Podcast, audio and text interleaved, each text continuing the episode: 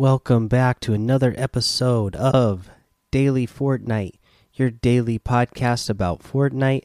I'm your host, Mikey, aka Mike Daddy, aka Magnificent Mikey. So, really, not a lot of news going on today. I will just go ahead and say, May the 4th be with you, uh, because, you know, it's uh, May the 4th, May the Force be with you, Star Wars. Uh, you know, we got the Star Wars, the lobby uh, in Battle Royale is Star Wars theme now.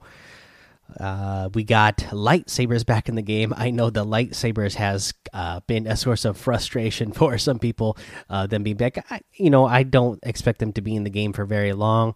I would expect that they would be, uh, you know, on May the fifth, uh, be back out of the game. Who knows? Maybe they'll keep it in another day, but I don't expect the lightsabers to be around for very long, so I don't. Yeah, the the people who are getting uh, frustrated by the lightsabers, uh, I I feel you. Uh, I hope it doesn't last too long, and uh, that uh, you know that that you'll stay on the light side. Other than that, yeah, not a lot of news. I mean, just the Star Wars lobby and lightsabers being back in the game. So let's go ahead and talk about uh, one of the challenge tips. Let's see here. Hmm. I mean, the, all the rest of them are pretty straightforward, right? Uh, everything that we've uh, talked about. I don't know if I talked about the catch fish at Slurpy Swamp. Uh, that one, I did notice that you have to be pretty close to the actual named POI. I've there's been other uh, challenges that we've had in the past where I can venture pretty far away from the named POI itself and still get credit. But for this catch a fish at Slippery Swamp, uh, I notice it only triggers if I'm actually pretty close. But if you go on the south side of Slurpy Swamp, just outside of the Slurpy Swamp, uh, you can get. There's a couple of really big trees, and uh, in between those trees is a small little pond and I'm able to catch a lot of fish there. Uh, even if there's not a fishing hole, I'll end up catching a lot of small fry. I think there was one match where I caught for sure over 30, maybe it was over 40. I can't remember exactly out of that one small little pond. Uh, and I just kept farming the fish there. Mostly, I got like one or two slurp and then one or two floppers but the rest of them were small fry. But you know i had enough to uh, even when the storm uh, went over me i was able to keep myself alive uh, long enough you know especially in this in the first couple of storms storms when it's only doing one or two ticks. Uh, i kept myself long and alive long enough that like i said i was uh, for sure it was over 30 it might have been over 40 fish in a single match. And then you can get this uh, done pretty fast. And because that small little pond's a little bit outside of the name POI and it's behind a couple of really big trees, I found that uh, I didn't have like you know obviously there were I didn't have any opponents coming over there to look. It's not exactly a super obvious spot. So just try to go on that south side of uh, Slurpy Swamp and look for a small a little pond be uh, between two big trees. All right, let's go ahead and take a break. We'll come back. We'll go over the item shop and a tip of the day. All right, let's go over the item shop. Of course, like I said, it's May the 4th, so we still have all the Star Wars items in here uh, for this Star Wars celebration that I mentioned yesterday. So you could still get all of those as of right now.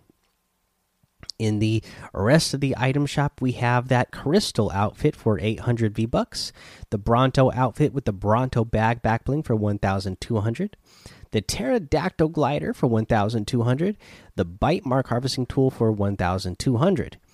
We have the Mecha Team Leader outfit that comes with the jet set back bling and the built-in turbocharged emote.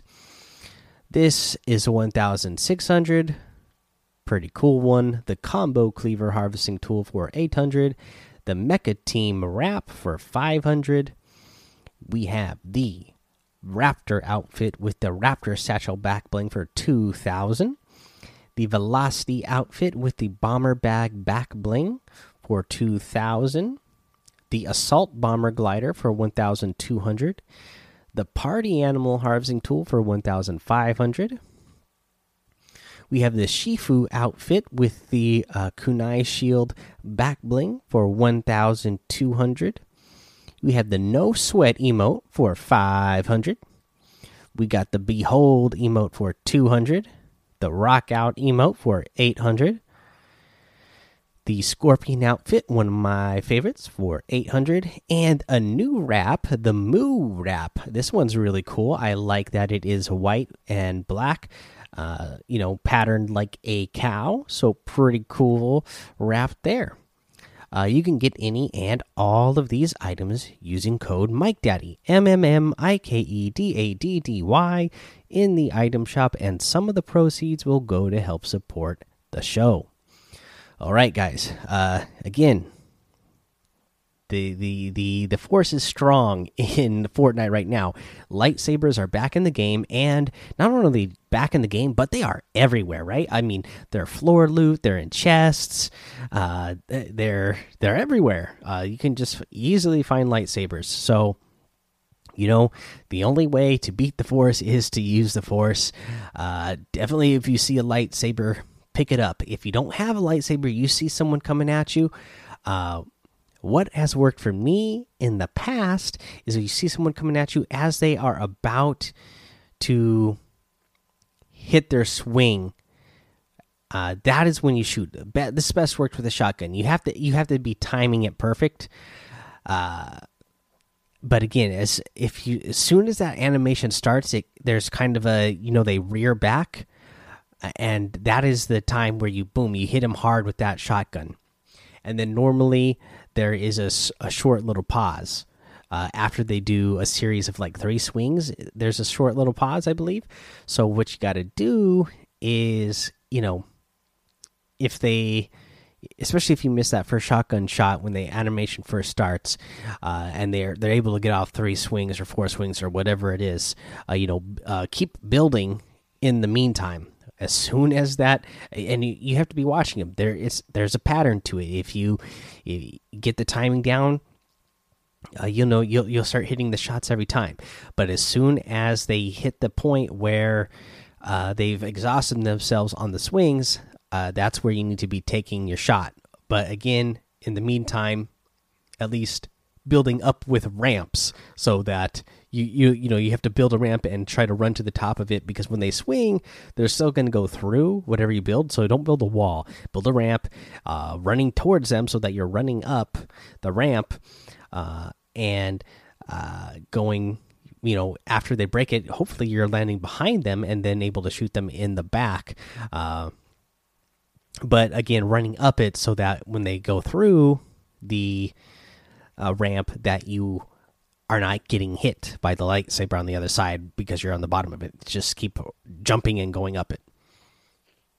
All right, guys, that is the episode for today. Go join the Daily Fortnite Discord and hang out with us. Follow me over on Twitch, Twitter, and YouTube. It's Mike Daddy on all of those. Head over to Apple Podcasts, leave a five star rating and a written review for a shout out on the show. Make sure you subscribe so you don't miss an episode.